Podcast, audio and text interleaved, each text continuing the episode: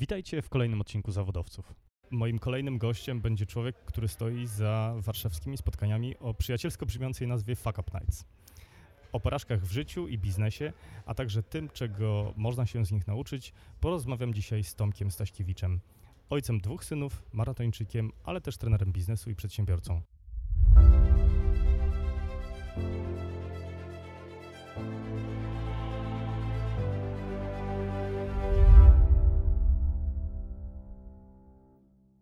Tomku, dziękuję za przyjęcie zaproszenia. To ja dziękuję za zaproszenie.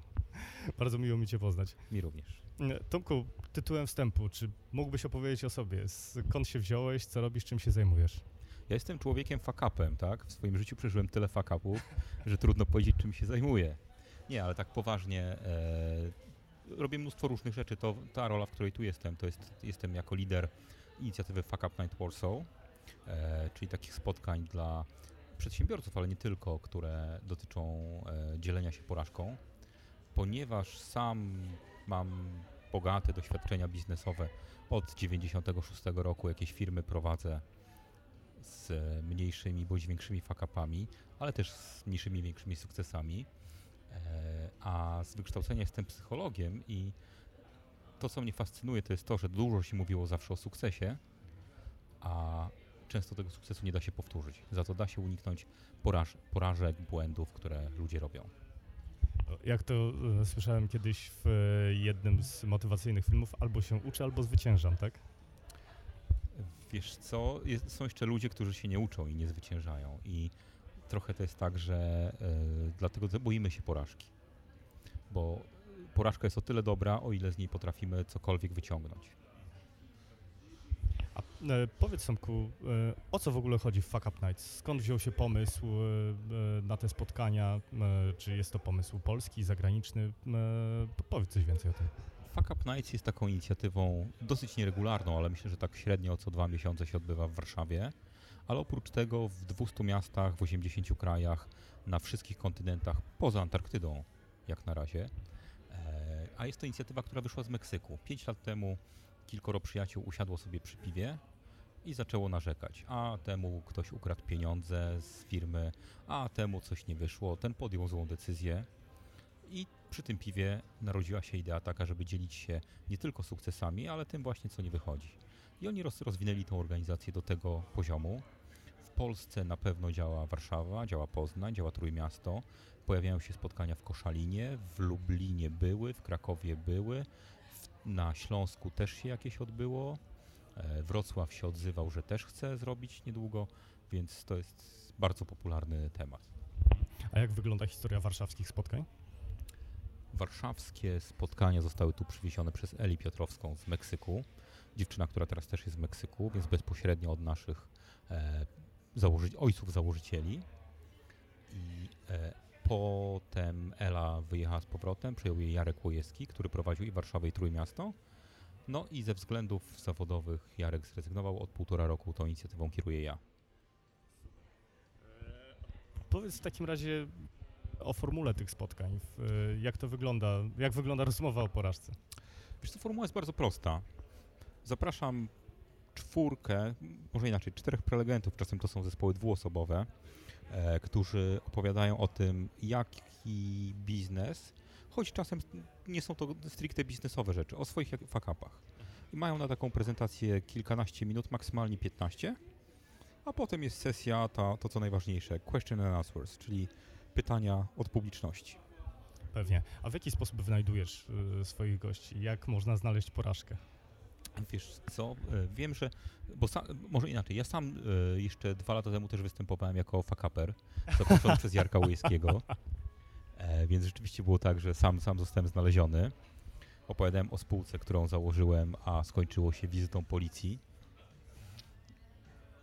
Mo- Możesz nam opowiedzieć tą historię twojego fuck upu? No, zacznę od końca. Stoję sobie na dworcu w Krakowie, czekam na pociąg, dzwoni telefon, dzień dobry, starszy inspektor, taki, taki, komenda powiatowa w e, Poznań, stare, e, po, Poznań Nowe Miasto. E, czy pan Tomasz Staśkiewicz? Tak, oczywiście. Chciałem pana zaprosić w związku z, e, mamy tutaj dochodzenie, prowadzimy w związku ze spółką, którą pan kiedyś założył. E, no i okazało się, że jedną ze spółek, którą kiedyś założyłem ze wspólnikami, coś tam poszło nie tak już po e- etapie, gdzie ja się wyeksitowałem z tej spółki, e, nie wszystkie dokumenty zostały złożone, więc naturalnym kontaktem byłem ja w KRS-ie i znaleźli mnie. Na szczęście rozeszło się to po kościach, ale to jest już historia, która rzeczywiście dobrze się skończyła, ale nauczyła mnie dużej ostrożności. Właśnie, jakie wnioski z tego fakapu? Duża ostrożność, wszystko trzeba kontrolować, wszystko trzeba samemu dopinać, bo potem może do ciebie zadzwonić policja. Pracujesz teraz samodzielnie czy w spółce? Wiesz co, pracuję głównie jako freelancer, robię projekty dla różnych firm, e, ale rzeczywiście, i to też, też to, co mówiłem na scenie, jak, sam jako fakaper, e, że mm, po tej przygodzie bardzo mocno dostałem tak po tożsamości przedsiębiorcy. Ok, prowadzę swoją działalność, wystawiam faktury i działam, ale y, nie mam w tej chwili presji od jakiegoś czasu, żeby rozwijać działalność, a wręcz był taki czas, że zawiesiłem działalność, bo nie chciałem się męczyć z papierkową robotą i wywoływało to we mnie lęki wspomnienie tamtej historii. I paradoksalnie dzięki temu, że opowiedziałem o tym na scenie, trochę przepracowałem to sam w sobie i ruszyło to tak, że e, byłem gotowy podjąć nowe aktywności. E, Ale powiedziałeś, że zawiesiłeś działalność i co wtedy etat? Zlecenia, tak? Na zlecenia, e, tak żeby nie, nie mieć jakiejś tam odpowiedzialności, nie męczyć się z tymi wszystkimi VAT-ami, terminami, fakturami, płatnościami. E, wiadomo, jak to w Polsce jest, tak? Pewnie. Ale wracając jeszcze do Twoich gości, powiedz e, w jaki sposób prowadzisz research? Jak znajdujesz swoich gości? Może tak, kiedyś było dużo trudniej. Kiedyś namówić kogoś na występ na Fuck Up Nights to było ojej, ale jak to? Jak to można mówić o porażkach? Teraz no jest już tak, że w zasadzie mam jakąś kolejkę ludzi, którzy stoją w kolejce, bo się sami zgłosili i są chętni. E, często jest tak, że jedni drugich polecają. To świetnie było widać na przykładzie Maćka Sawickiego z e, Foszer Sawicki, z takiego domu produkcyjnego, który sam wystąpił i był tak zadowolony ty- z tego, co powiedział, że polecił mi e, swoją znajomą Martynę Zastawną z Wash Wash. A z kolei Martyna dała najlepsze wystąpienie w historii Fuck Up Nights do tej pory. I to się często tak dzieje. Poza tym, no, działam w takiej branży startupowo. E, trochę też ocieram, ocieram się o media, więc często jest tak, że te historie same do mnie przychodzą, czy znajomi polecają. Ty, czy udział w Fuck Up Nights jest płatny, bezpłatny? Nie, udział jest bezpłatny zarówno dla uczestników, jak i dla e, prelegentów. Czasami zastanawiam się, czy wprowadzić jakąś tam małą płatność 5 zł na to, żeby móc zapewnić wodę wszystkim, czy piwo kupić za te pieniądze, ale na razie nie, e, nie idę w tę stronę. Pewnie. Tomku, a powiedz, jak my jako Polacy traktujemy porażki? Jak my jako Polacy traktujemy porażki? Chyba coraz lepiej, wiesz? Coraz więcej się pojawia w przestrzeni e, mówienia wprost o tym, że nie wszystko musi się udawać. Ja to widzę bardzo dobrze po Fuck Up Nights, gdzie są spotkania, które potrafi przyjść 120 osób. To było, tak było, kiedy opowiadali chłopaki, e, swoją historię chłopaki, którzy założyli Grononet. E, jest tak, Mógłbyś opowiedzieć coś więcej na temat tego grona? to dokończę tylko jak to Tak. jest. A pojawiają się na przykład bardzo fajne rzeczy.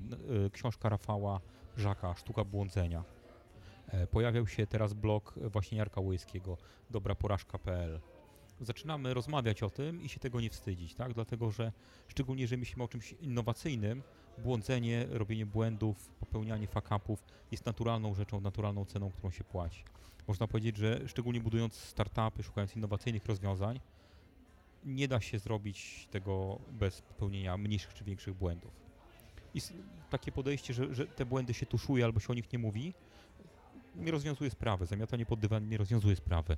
I ludzie wolą się uczyć i dzielić tym, bo wiedzą, że z tego więcej skorzysta skorzystają zarówno inni, ale też tak jak ja widzę na moim przykładzie. Ja dzięki występowi na scenie Fuck Up Nights przepracowałem w sobie pewną rzecz.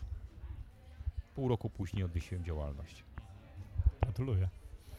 Powiedz mi taką rzecz, czy w Fuck Up Nightsach e, biorą udział tylko i wyłącznie startupy, przedsiębiorcy, czy Nie. są to osoby, no wiesz, które pracują gdzieś na etacie, robią swoje i tak Wiesz, to kto przychodzi, e, e, myślę, że to są ludzie raczej w 90% do 30-35 roku życia młodzi przedsiębiorcy bądź ludzie, którzy myślą o własnym biznesie, często ludzie z korporacji, którzy szukają jakiejś inspiracji. Są osoby też starsze, takie koło 40, czasem troszkę więcej, e, ale mm, jeszcze raz A jak wygląda druga strona, czyli y, ci, którzy prezentują swoje porażki? Czy to są głównie przedsiębiorcy, startuperzy, czy, czy Różnie. również ludzie, Znaczy, którzy wiesz, pracują na etacie? W większości to są ludzie, którzy zrobili jakiś projekt, który nie wyszedł. Miałeś przykład na ostatnim Fuck Up Nights była wirtualna przymierzalnia. Projekt, który jeszcze ma szansę wyjść, ale do tej pory e, dopiero 4 miliony pochłonął. No, na, naprawdę Tak. z wyjątkową szczerością panowie opowiadali o, Tak. e, o swoich porażkach. E, są, są takie historie, jak historia Martyny Zastawnej z Wash, która mając 24 lata założyła firmę, zrobiła biznesplan, w pierwszym miesiącu spodziewała się 10 zamówień, a dostała 500 i rzeczywiście ponad rok z, z tego musiała wyplątywać, żeby wrócić, ale z, y, czasem bywają sportowcy. Jednym z fajniejszych gości, których mieliśmy, był e, fundraiser, który zbierał dla Muzeum Auschwitz-Birkenau e, środki. Mhm. Na przykład pozyskał milion dolarów od Stevena Spielberga i pozyskał kolejnych 5 milionów od innych bogatych Żydów z Nowego Jorku. A gdzie porażka? No ponieważ nie dowiózł targetu, bo sobie założył 30 milionów, a dowiózł tylko 6.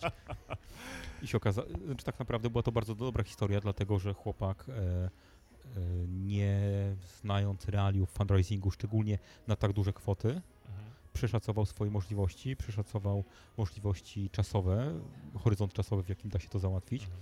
bo wiadomo, że po milion dolarów to się nie idzie tak Z ulicy. z ulicy i że proces pozyskania miliona dolarów od inwestora, czy no właśnie nie od inwestora, tylko od darczyńcy, może zająć półtora roku, a nie trzy telefony. I rzeczywiście tam było tak, że on bardzo fajną naukę z tego wyciągnął. która brzmiała?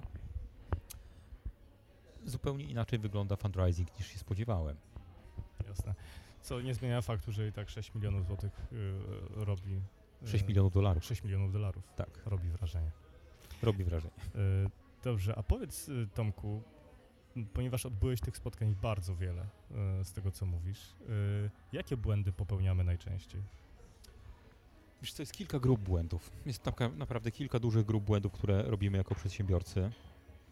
Bardzo częstym błędem e, jest to, że produkujemy, e, inaczej wypuszczamy produkt, który jest dla, niepotrzebny na rynku. Ludzie wymyślają produkty, e, które w- są fajne, brzmią fajnie dla nich samych. Ale walidacja rynku jest taka, że okazuje się, że e, no, jak to nazwał Mariusz Gralewski ze znanego lekarza, ktoś wymyśla Ubera dla drabin, tak? Rzeczywiście może jest kilka osób, które są tym zainteresowane, ale to nie jest rynek, który jest w stanie utrzymać startup. Mam fajny pomysł i co z tego, tak? Tak, więc e, zresztą ostatnio na reaktorze X, e, na Open Reaktorze, przepraszam, rozmawiałem z e, założycielkami, z e, Dianą Koziarską i mówiła, że bardzo często jest, czy inaczej, że w każdy startup, który oni akcelerują, wpisany jest pivot, czyli zmiana, zmiana działalności. E, dlatego, że bardzo często jest fajny pomysł, ale żeby rzeczywiście na etapie walidacji przez rynek okazuje się, że trzeba go albo dopracować, albo zmienić, albo rzeczywiście pójść w zupełnie inną stronę. A y, pytałeś o Pytałem o najczęstsze błędy. inny błąd, to jest oczywiście kwestia kompetencji. Mhm. To jest dobór kompetencji w zespole projektowym, to jest temat rzeka. To jest tak, że często na przykład trzech informatyków spotyka się i robią cudowny kod, wspaniały, wspaniały, wspaniały y, produkt, ale brakuje tam kompetencji sprzedażowej, marketingowej, brakuje growth hackingu na rynki, brakuje takiej elementarnej wiedzy biznesowej. I rzeczywiście może być produkt wspaniały, tylko e, co z tego, jeżeli on nie ma szans wyjść poza e, cztery ściany, w których jest tworzony. Więc rzeczywiście, zresztą ja zrobiłem ten sam błąd robiąc moją firmę. Zrobiliśmy firmę we trzech y, wspólników, e, gdzie mieliśmy wszyscy bardzo podobne kompetencje, a brakowało nam takiego twardego zarządzania. Czym się zajmowaliście? To była firma szkoleniowa. Mhm. Okay. Zabrakło I... czego sprzedaży? Wiesz co, nie, nie, zabrakło e, inaczej. Każdy z nas był świetnym solistą, tak? A e, nikt z nas nie był dyrygentem. Jasne, rozumiem. A powiedz mi taką rzecz.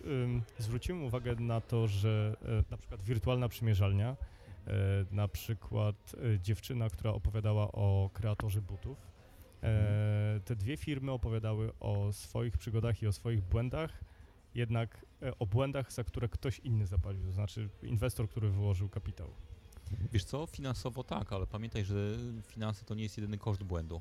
Oczywiście, koszty alternatywne i tak dalej. Ale nie, wiesz co, są też bardzo duże koszty psychiczne, tak? Bo naprawdę wiele osób wychodzi z nieudanych projektów z dużym poczuciem winy, z dużym poczuciem wstydu, z, du z bardzo obniżoną samooceną. E I rzeczywiście to jest to, że ja widzę bardzo mocno po moich gościach na Fuck Up Nights, tudzież po gościach na innych Fuck Up Nights, które widziałem, że są osoby, które nie potrafią, nie, nie przepracowały tego jeszcze. Akurat po, podałeś historię, o, historię Oli Jaruśkiewicz z Fun Design i panów z wirtualnej przymierzalni, którzy z bardzo dużym dystansem podeszli, bo mają to już przepracowane. Ale są osoby, e, które bardzo często nie potrafią się do e, błędu przyznać, bo to by bardzo mocno zaburzyło ich poczucie własnej wartości. No właśnie.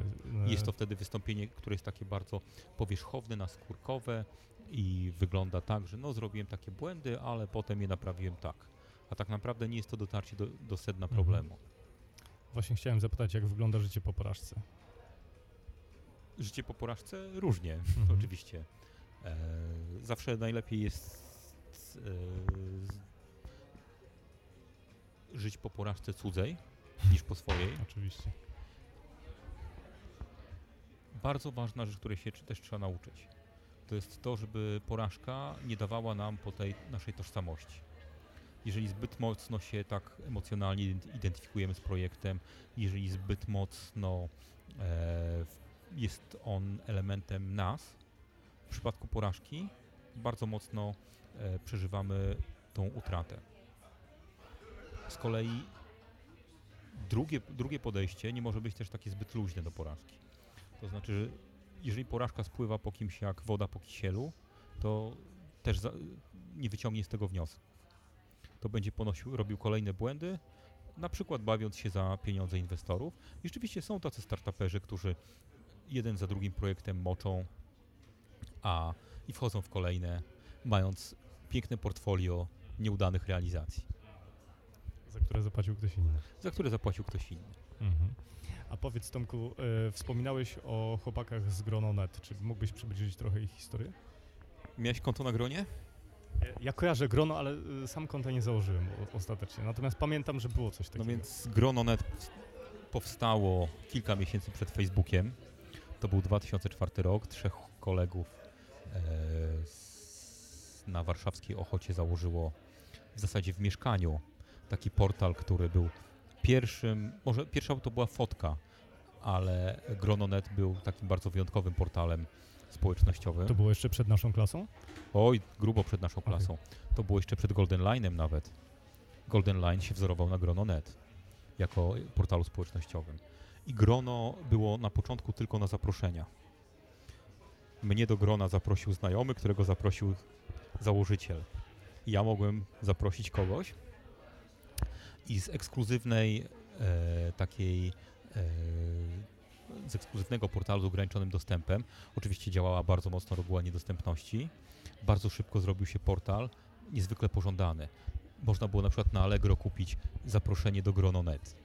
Byli, byli e, handlarze, którzy za pieniądze zapraszali cię do grona. E, I panowie założyli naprawdę cudowny projekt, który ja będąc bardzo szybko w tym gronie miałem swój numer 1375, numer użytkownika, a potem to już rosło geometrycznie i oni czasami były takie dni, że po kilka tysięcy osób się dziennie zapisywało.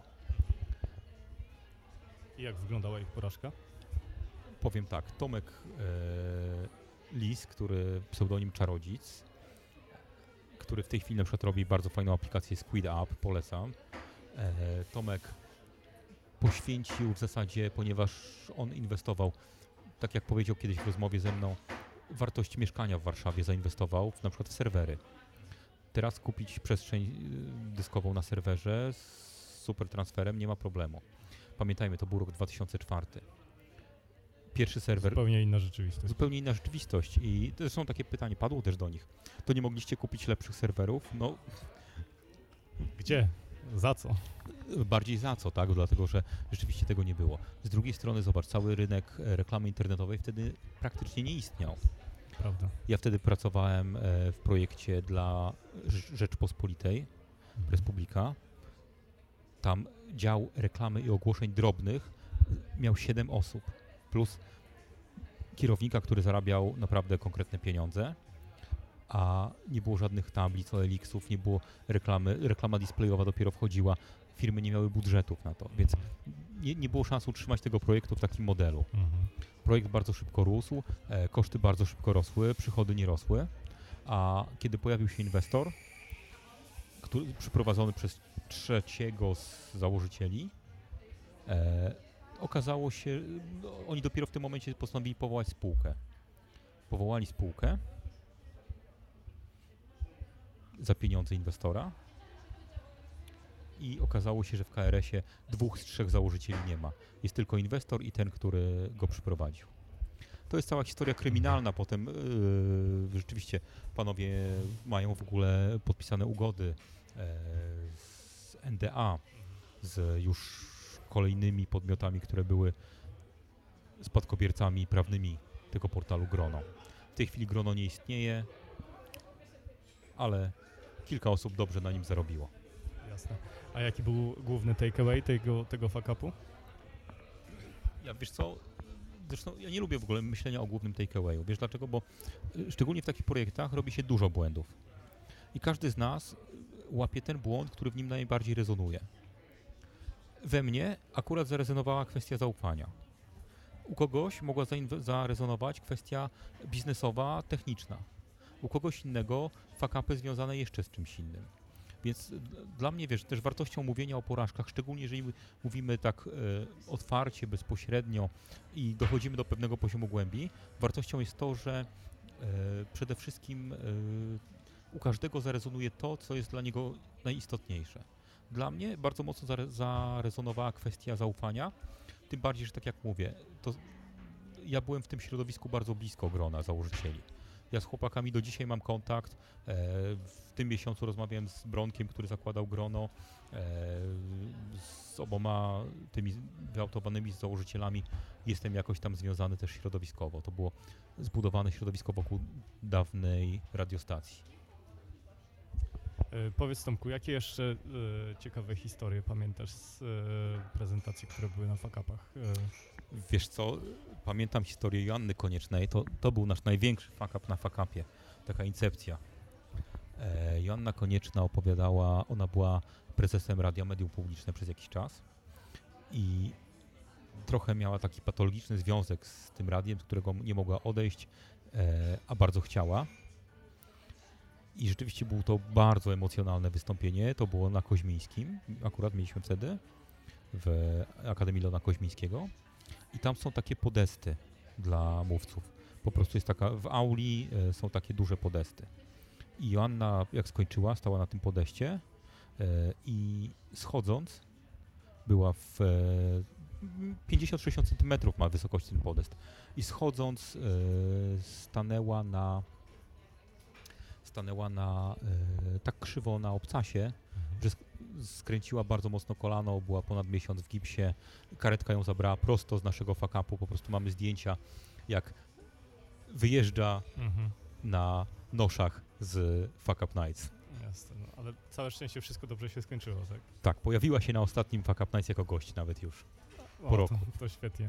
A powiedz, y, jak wyglądają i jak brzmią pytania y, przede wszystkim, które y, zadają uczestnicy y, fakaperom? Wiesz, chyba, jakie jest najczęstsze pytanie? Mhm. A dlaczego nie podpisaliście umowy? To jest takie najczęstsze pytanie, które jest tak proste, czyste i odświeżające dla wielu Tak. przedsiębiorców, Mhm. Po prostu i wtedy nasz partner nas nie Chyba Rafał. Ferber mówił e, nawet o tym ostatnio, prawda? Tak, i ba- banalne, proste pytanie. A dlaczego nie podpisałeś umowy? Mhm. To jest po prostu coś, co ja uwielbiam. Zresztą ja sam usłyszałem to pytanie. Mhm. Dlaczego tego nie podpisaliśmy? Dlaczego tego prawnie nie podzieliliśmy w jakiś sposób? E, I, I to jest takie pytanie, które ja chyba najczęściej słyszałem. Są pytania dotyczące wielu aspektów technicznych. E, są pytania dotyczące tego, co ty sam wyciągnąłeś z tego, co zrobiłeś z tą porażką. Bo znowu, nie pamiętam które, albo można inaczej, nie chcę mówić które, ale było takie wystąpienie, gdzie ktoś przyszedł z porażką bardzo mocno nieprzepracowaną. I na pytanie, co z tym zrobiłeś, powiedział, nie wiem. I to w zasadzie e, trochę tak zdenerwowało ten tłum, bo ludzie przychodzą nauczyć się, dowiedzieć czegoś. Pewnie. A jeżeli przychodzi człowiek, który potrafi tylko powiedzieć, e, nie udało mi się i nie mam z tego żadnej refleksji i nie chcę tej refleksji wyciągać, bo rzeczywiście czasami można przyjść bez refleksji, ale potem stojąc już na scenie ludzie z ciebie wyciągną, no to rzeczywiście e, no, odbiorcy nie byli zadowoleni z tego. Pewnie. Czyli gdybyśmy się tak zastanowili nad dekalogiem e, fakaperów, jak mógłby brzmieć? Po pierwsze, nie bój się porażki. Porażek nie, nie robi tylko ten, kto nie robi niczego. Mhm. Choć to też porażka. Zaniechanie też jest grzechem, tak? To prawda. Tak, więc e, po pierwsze nie bójmy się. E, po drugie, wyciągajmy wnioski. Po trzecie, odcinajmy emocje od porażki. Ja uwielbiam w ogóle do... Nie traktujmy ich osobiście, tak? Tak, nie traktujmy ich osobiście. To, że coś się nie udało, nawet jeżeli coś zawaliliśmy, e, jeżeli sobie będziemy przypisywać do, przez to cechę, że jesteśmy tacy czy inni, tylko sobie zrobimy krzywdę. Ja w ogóle uwielbiam do, ponieważ wiesz, ja też prowadzę szkolenia, wiele lat szkoliłem e, i prowadzę też szkolenia z tego, jak zarządzać porażką. Mhm. Jest mnóstwo narzędzi, które pozwalają wyciągnąć bardzo konkretne wnioski do, dotyczące porażki. Mhm. Na przykład moim takim ulubionym jest AAR, After Action Review. Mhm. To jest e, metoda a, e, wypracowana przez US Army. Po każdej akcji, którą robią, bez względu na to, czy jest udana, czy nie, robią krótkie podsumowanie AAR. I ono się składa w zasadzie z czterech pytań. Jakich? Pierwsze dwa. Co chciałem osiągnąć, co osiągnąłem. Bez oceny. Stricte, tak? Na przykład e, pracując z e, firmami handlowymi i kiedy robiliśmy, przygotowaliśmy akcje wyprzedażowe i ro, kiedy robiliśmy AAR po takiej akcji, robiliśmy w ten sposób. Jaki był planowany obrót na akcji? Tylko tyle. Bez komentarzy, bez usprawiedliwień, nikogo to nie interesuje. Jaki był planowany? ile było rzeczywiście. To od razu daje feedback, czy cel został zrealizowany, czy nie. Bardzo silnym, Bardzo obiektywny. tak, bardzo obiektywny. Bardzo silnym, e, kiedy się omawia różne projekty, bardzo silnym elementem takiego e, dialogu jest pytanie dlaczego. Albo usprawiedliwianie. Na przykład, nie wiem, mieliśmy zrobić 100 tysięcy, zrobiliśmy 80, ale w tym czasie, nie wiem, Mhm. spadł śnieg. Nie, tu nie ma cze- czegoś takiego, tak? W Fakt. tym AAR trzymamy się faktu. Mhm. I to są, to są dwa pierwsze pytania. Jaki był cel, jaki był rezultat? Trzecie i czwarte pytanie brzmią tak. Co z tego, co zrobiliśmy, przenosimy do następnej akcji, która będzie podobna? I co z tego, co zrobiliśmy, wyrzucamy i w następnej akcji ma się nie pojawić? Tylko tyle. Żadnych usprawiedliwień, żadnych ocen, czyste po prostu narzędzie do tego, żeby Fakty. tak, żeby usprawniać proces. Mhm. Dlaczego? Dlatego, że wiesz, też patrząc z perspektywy iluś fakapów, które widziałem Mhm. e, i iluś fakapów, które przeżyłem. Kiedy założysz małą firmę i ci się nie uda, z twojej perspektywy to jest historia wyjątkowa. Z Z perspektywy... biznesu ogólnie pojętego jesteś kroplą w morzu. Nie, jesteś porażek. jedną z setek takich samych historii. Prawda? To jest, jest 100 takich samych historii na świecie. I e, jeżeli e, rzeczywiście e, może być to dla wielu osób tragedia, jeżeli jakiś biznes nie wyjdzie, bo nie wiem, potem muszą spłacić długi, potem muszą, nie wiem, e, zamknąć firmę, potem nagle brand, którego byli twarzą, okazuje się być niewypałem, tak? Okej. Dla, z punktu widzenia osobistego to może być tragedia. Z punktu widzenia powtarzalności takich historii są setki. Dobrze, a e, sam mówisz, że pracujesz z biznesem i wykorzystujesz te historie porażek. E, z czym e, przede wszystkim zgłaszają się do Ciebie klienci, którzy chcą, żebyś ich szkolił z omijania błędów? Wiesz co, teraz jest bardzo modny ten temat fuck-upów. E, ludzie po pierwsze chcą posłuchać historii, bo te historie też e, są takim elementem autoterapii. Nie tylko nam się nie udało. Mhm. Zresztą myślę, że za chwilę w perspektywie najbliższych lat ten temat będzie jeszcze dodatkowo szedł w górę ze względu na to, że no nie ma co się oszukiwać, jesteśmy gdzieś na szczycie, zbliża się jakiś kryzys kolejny, więc za chwilę działy handlowe nie będą wyrabiały targetów, To prawda.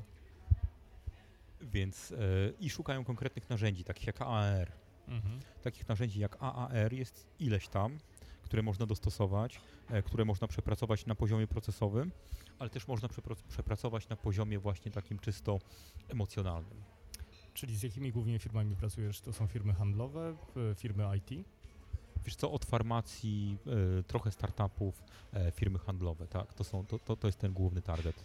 Mhm. Czy mógłbyś jeszcze o jakichś ciekawych metodach, e, które wykorzystujesz, opowiedzieć? Wiesz no taka bardzo podstawowa, tak? Checklista. To jest to, że s- banalna rzecz. Zrobienie checklisty, co trzeba zrobić, żeby nie było fuck upu. Mhm. Mega prosty przykład z jednym z osta- w jednym- w jednym z ostatnich projektów pracowałem ze startupem cel nowy landing page.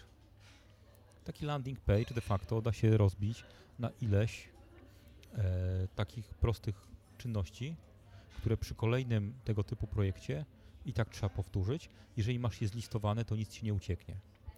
My tam zaliczyliśmy fuck up z mail serwerami, ponieważ po przepięciu DNS-ów, bo zmienialiśmy operatora, e, zmieniliśmy przestrzeń dyskową, tak, e, i po przepięciu DNS-ów nagle się przez dwa dni w firmie nie było maili. Prosta rzecz, która jeżeli by była na checkliście, albo inaczej, która się znalazła na checkliście i przy każdej kolejnej e, iteracji tego projektu będzie ten jeden punkt. Tak samo zresztą działają linie lotnicze.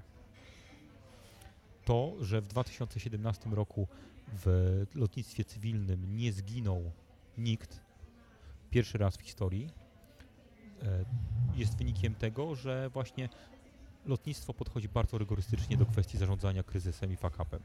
Mhm. O checklisty, checklisty, Czy, tak, instrukcje. każdy i tam są bardzo proste, kilkupunktowe checklisty. Jak pilot siada, ma pięć rzeczy do odhaczenia. Jak pilot włącza to, ma pięć kolejnych rzeczy. Mhm. I e, w tym momencie jest pewność, że nie zapomni, jest ryzyko, minimalizowane ryzyko błędu. Mhm. Jak jeszcze możesz pomóc e, firmom, które chciałyby porozmawiać o fuck-upach? Wiesz co, bardzo fajnie mi się sprawdza, na przykład robiłem dla dużej firmy energetycznej e, czyste wystąpienie po prostu, opowiadanie historii o Mhm. To jest mega odświeżające doświadczenie. Żyjemy trochę w takim świecie propagandy sukcesu. A To prawda. tak, e, jeżeli myślimy o sukcesie, myślimy, nie wiem, Gates, y, Jobs i tak dalej. Mało kto pamięta, że Steve Jobs w 1986 roku został wypieprzony z Apple'a, którego założył. E, mało kto pamięta o wielu porażkach y, Apple'a, zanim stał się taki kultowy, bo takie komputery jak Liza Teraz oczywiście to jest komputer, który ma 35 lat w tej chwili i nikt nie pamięta, ale wtedy też on furory, krótko mówiąc, nie zrobił. E, a w tej chwili myślimy o Apple jako takim synonimie sukcesu, Tak. ale ta droga, w, w ogóle uwielbiam tą historię Steve'a Jobsa, dlatego że on robił najpierw w zasadzie z tego, z tego pierwszego etapu Apple. Apple II był genialny, przy czym to był biznes jeszcze stosunkowo mało skal skalowalny, lata 70. Dru drugim produktem był ten Apple Macintosh 84 ze słynną reklamą. Jeżeli ktoś nie widział, polecam na YouTubie wzorowana na roku 84 Orwella.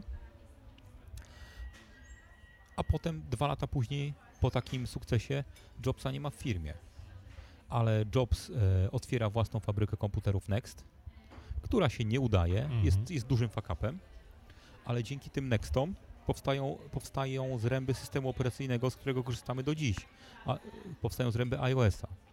E, Jobs wchodzi w Pixara, zupełnie inny biznes. Początkowo miał im dostarczać komputery, ale potem e, do obróbki graficznej, ale potem się e, w Pixarze uczy tego, jak robić kreatywne pomysły, doprowadzać do końca, jak tworzyć historie, scenariusze i dopiero połączenie tego, tych fuck-upów, które zaliczył na, e, z wyleceniem z firmy, z Nextem i tej wiedzy, którą, się, którą wyniósł z Pixara, sprawia, że kiedy wraca w tym 90 chyba 7 czy 8 roku do Apple'a, który sam Apple był wtedy naprawdę na krawędzi. Mhm. Ja e, pamiętam, że po prostu już z Apple'a to już mało kto korzystał, bo to komputer kilkunastoletni wtedy był, a PC-ty się rozwijały bardzo szybko. I wraca ten Jobs i tego Apple'a pcha na zupełnie nowe tory. Oczywiście z mniejszymi i większymi fuck-upami, ale pojawia się cała, cała e, historia, ten Apple e, e, taki kolorowy, w sześciu kolorach, nie pamiętam, piękny po prostu design.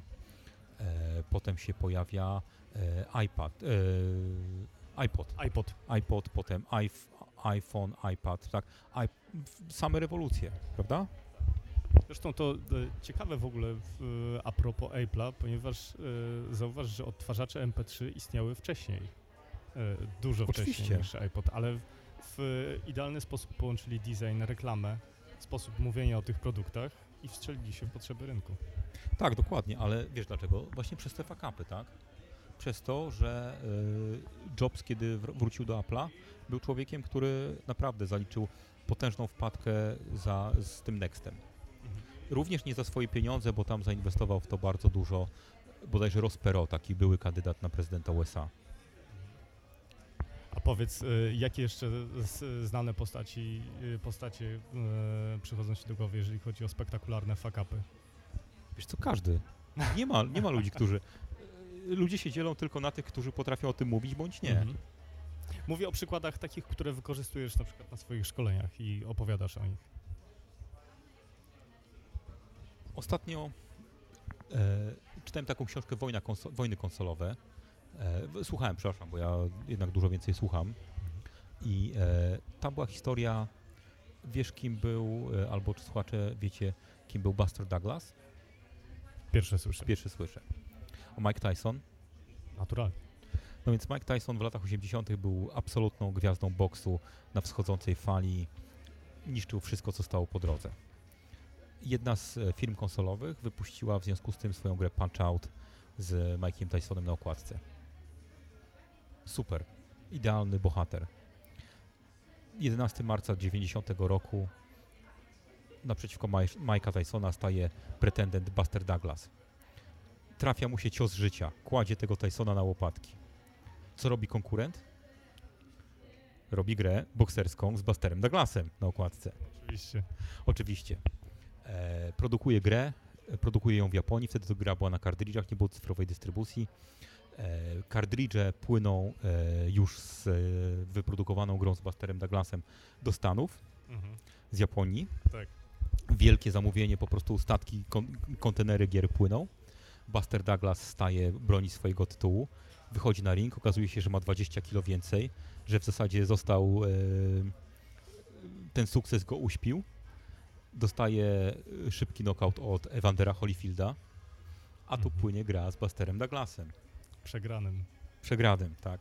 Więc można powiedzieć, że obie firmy, i Sega i Nintendo, zaliczyły pewnego rodzaju fuck up na wzięciu na okładkę idoli influencerów. Mhm. Pewnie. E, Tomku, e, powiedz w takim razie, gdzie możemy szukać informacji o Fuck Up Nightsach? Fuck Up Nights, ponieważ zaliczyliśmy fuck up i ktoś z organizatorów Fuck Up Nights naszego nie przedłużył domeny, Mhm. e, więc najlepiej szukać nas na, fej- na Facebooku Fuck Up Nights Warszawa e, albo w innym mieście, jeżeli chcecie. E, W całej Europie, w ca- na całym świecie są Fuck Up Nights. I tam najlepiej. Dobrze, przypomnijmy, e, udział w Fuck Up Nights jest e, póki co bezpłatny.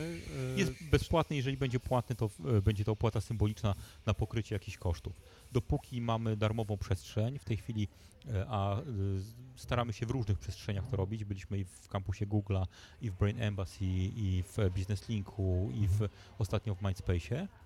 Więc jeżeli tylko będziemy mieli przestrzeń darmową, to staramy się, żeby spotkania były darmowe. Jeżeli będzie tak, że jakieś koszty będą do pokrycia, to będziemy wtedy informować. Ale Jasne. A jak możemy Ciebie znaleźć w sieci? Tomek Staśkiewicz, staśkiewicz.pl na Facebooku i w każdym innym kanale komunikacji poza snap Snapchatem. Jasne. Tomku, bardzo serdecznie dziękuję Ci za tą e, rozmowę. E, było mi bardzo miło Cię gościć. Bardzo miło również. Dziękuję i zapraszam. Dziękuję. To by było na tyle, jeżeli chodzi o temat porażki w życiu i biznesie. Mam nadzieję, że zainteresowała Was formuła spotkań Fuck Up Nights, jakie w Warszawie organizuje e, Tomek Staśkiewicz. A ja ciekaw jestem, jak Wy radzicie sobie z klęskami, z porażkami. Podnosicie się od razu idziecie dalej, czy zaczynacie utyskiwać i szukacie winnych naokoło? Mam nadzieję, że to pierwsze. Nie pozostaje mi więc nic innego, jak życzyć Wam fantastycznego dnia, dobrego tygodnia. Pamiętajcie, porażki to nic złego. Ważne, jak sobie z nimi radzimy. Już dzisiaj zapraszam Was również do kolejnego odcinka podcastu Zawodowcy, w którym będę miał przyjemność przedstawić Wam wyjątkową osobę, twórcę, fotografa, który tworzy rzeczy cudowne. Więcej nic nie powiem. Do usłyszenia. Jeszcze raz wszystkiego dobrego. Pozdrawiam Was, Karol Stryja.